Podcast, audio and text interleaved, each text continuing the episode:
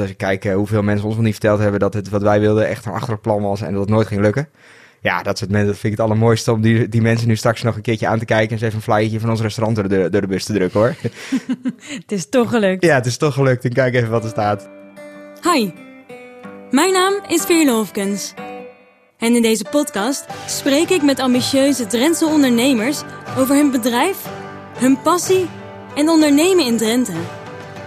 Hoe zijn ze begonnen? Tegen welke uitdagingen lopen ze aan? Aan welke innovaties werken ze? En wat willen ze bereiken met hun bedrijf? Drenthe is dé plek voor startende en gevestigde ondernemers om slim, groen en met impact te ondernemen. Het platform Ik ben Drents Ondernemer kan je daarbij ondersteunen. Ik heb allerlei brandjes aan tafel zitten. Dit keer zit Thijs naast mij. Hij is een van de eigenaren van Villa Kalkoven. Thijs, jij bent samen met je vriend Stefan een eigen horeca-onderneming begonnen. Jullie stonden toen bijna aan het begin van je carrière. Jullie waren allebei 25 jaar, best jong. Ja. En een eigen horecazaak, dat is altijd al jouw droom geweest, vanaf dat je kind was. Waar kwam die passie voor een eigen zaak vandaan? Ehm, nou, ik denk dat de passie begonnen is bij uh, een afkeur uh, tegen de zaak van mijn ouders. Mijn ouders hadden een boerderij vroeger, uh, of hebben ze nog steeds. en ik had absoluut een allemachtige hekel aan koeien en aan, aan zuivel. en dat was niet, niet zo heel erg aan mij besteed. En mijn oom had een horecabedrijf. Dus um, nou ja, ik kon dan snel een beetje bij mijn oom aan de gang in het horecabedrijf. Betekende dat ik zaterdag bij mijn ouders niet in de zaak hoefde te werken. Dus voor mij was het in het begin vooral eigenlijk nou, een beetje een goed, goed alternatief voor, voor achter de koeien aan op zaterdagochtend. Dus um, ja, zo is dat eigenlijk een beetje begonnen. En nadat ik daar ja, in het begin een beetje aan het werk was, vond ik het echt heel leuk. En toen is dat zo een beetje, ja, een beetje doorontwikkeld, zeg maar. En uh, hoe ben je daarin verder gegaan? Ben je een opleiding gaan doen? Ja, ik ben hotelschool gaan doen. En ja, zo gaandeweg ook steeds meer een beetje geleerd ja, welk gedeelte van de horeca ik nou, nou echt leuk vond en, en wat ik wat minder vond. Mooi. En jullie hebben ook niet zomaar een klein zaakje overgenomen. Je hebt echt wel een enorm historisch pand overgenomen. Moest veel aan gebeuren. Ja. Kan je dat eens omschrijven? Het is een podcast, mensen zien het niet. Hoe ziet het eruit? Um, en wat was het? Het is een, het is een rijksmonument. Uh, het zijn uh, drie oude kalkovers. En kalkovers kun je eigenlijk het beste omschrijven als een soort grote schoorsteen, zeg maar. Uh, ze zijn 14 meter hoog, dus het zijn echt wel joekels van, van gebouwen. En daaraan vast zit het, het restaurant met de zalen aan vastgebouwd eigenlijk, zeg maar. Dus het is best wel een heel groot, imposant pand. En we hebben dat uh, uh, in 2019 helemaal verbouwd van de binnenkant. Dus dat het ook echt weer een beetje een moderne, uh, ja, moderne look en feel heeft, zeg maar. Zodat de komende tijd weer vooruit kan. En jullie zagen dit. Waarom dacht je, we gaan hiervoor? Sinds dat ik bij mijn oom in het bedrijf, of in het horecabedrijf begon, heb ik altijd gezegd, ik wil, ik ga later mijn eigen restaurant beginnen. Um, dus nou ja, ik denk dat we 24, 25 waren. Toen hadden we wel zoiets van, ja, misschien moeten we wel gewoon eens een keertje gaan kijken, zeg maar. Um, en uiteindelijk kwamen we dit tegen. En wel, ik had een hele grote wensenlijst. Waarvan ik zelf eigenlijk al een beetje bedacht had dat dat waarschijnlijk niet ging lukken. Uh, met, uh, ik wilde graag iets aan het water. Ik wilde een mooi oud pand. Het moest een beetje groot zijn. Uh, nou ja, ze hadden nog een hele lijst. En toevallig kwamen we dit tegen. En dat had eigenlijk alles van mijn lijstje. Alleen het moest verbouwd worden. En ik heb twee linkerhanden. En Stefan, die heeft al helemaal twee linkerhanden. dus um, dat was in het begin wel een dingetje. Maar en toen ging die verbouwing? ja, was wel een hele uitdaging om een beetje te gaan kijken hoe dat uh, allemaal uh, zou moeten. Daar hebben we uiteindelijk ook wel heel veel hulp bij gekregen. En uh, nou, we zijn inmiddels wel achter dat je eigenlijk meer kunt dan je, dan je van tevoren soms denkt. Als je er maar gewoon een beetje aan begint en eens een keer een filmpje kijkt op YouTube hoe, dat, hoe andere mensen dat doen, dan kom je vaak toch wel een heel eind. En jullie gingen het dus samen echt wel aanpakken. Wanneer dacht je nou echt, dit kan misschien toch wel wat worden? Um, nou, echt de, de, het moment zeg maar, van de eerste bezichtiging tot aan dat we de overname gehad hadden, zeg maar, dus eigenlijk nog voor de verbouwing.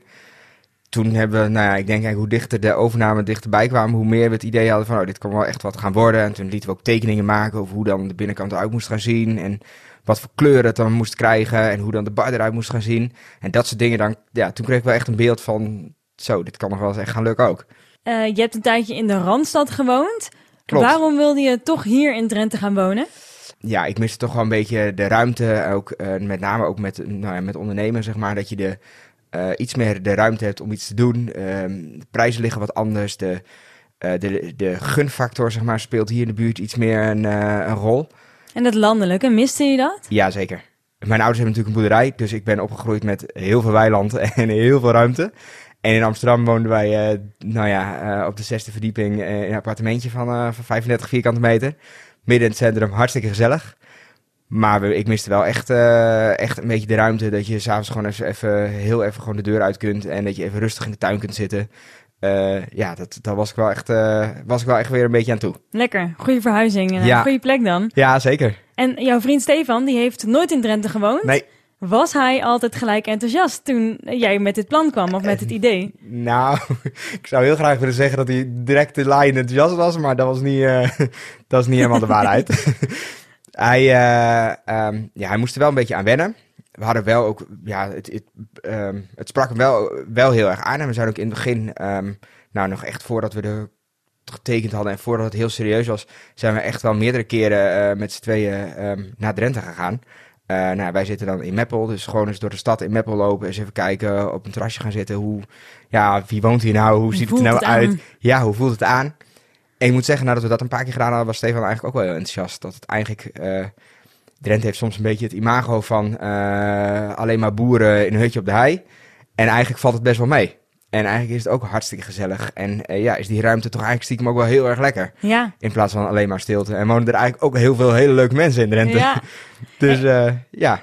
Mooi. En jullie zijn nu een tijdje bezig. Ja. Sinds een paar weken denk ik ondertussen echt weer open na de coronaperiode. Klopt. Hoe gaat dat? Uh, ja, best wel bijzonder. het is weer een beetje wennen, zeg maar. Ook voor, voor ons, maar ook voor, voor het team bij ons op de zaak. Uh, maar het gaat heel goed. Het is heel fijn. Uh, het is uh, nou, drukker dan ooit eigenlijk bij ons.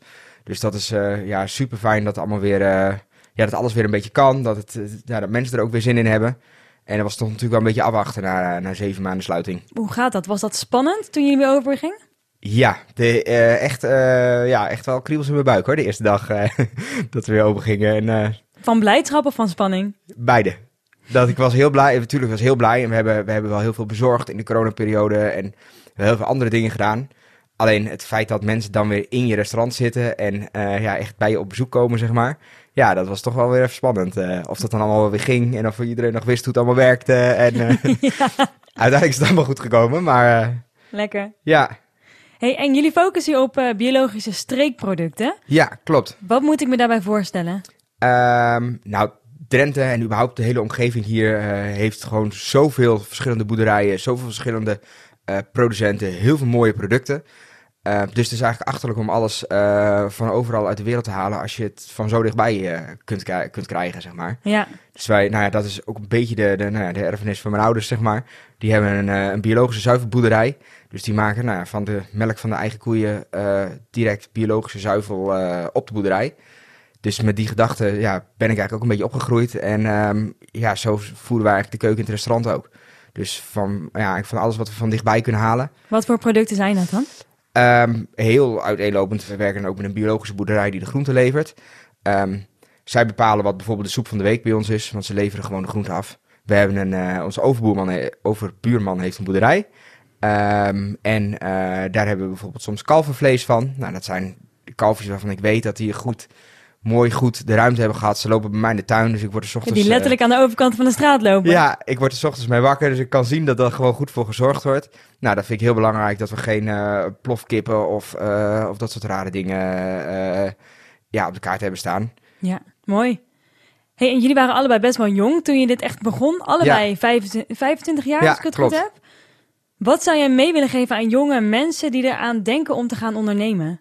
Ik denk stap 1 is, een, is, is goed bedenken, ja, wat, eigenlijk een plan maken, zeg maar. En ook misschien niet meteen over één dag ijs gaan we dus echt even goed over nadenken van hoe het dan, hoe het eruit moet gaan zien. Ik zeggen, heel veel gaan kijken bij anderen, want uh, uh, goed gejat is beter dan slecht zelf bedacht, zeg maar. dus ga eens goed bij een ander kijken hoe die het nou gedaan heeft. En misschien dat je daar dan nog wel een betere twist aan kan geven.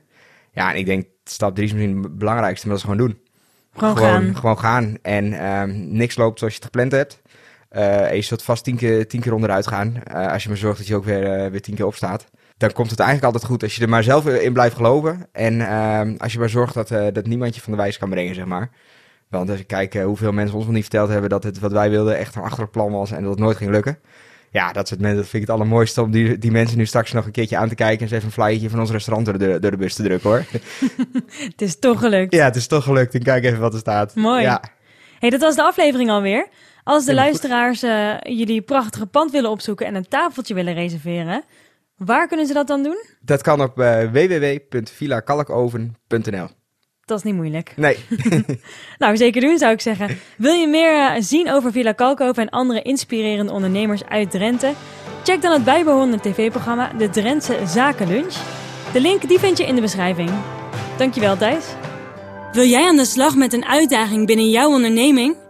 Neem dan contact op met een van de ondernemersadviseurs van Ik ben Drentse Ondernemer. Kijk op www.ikbendrentsondernemer.nl Deze podcast wordt mede mogelijk gemaakt door Ik ben Drentse Ondernemer.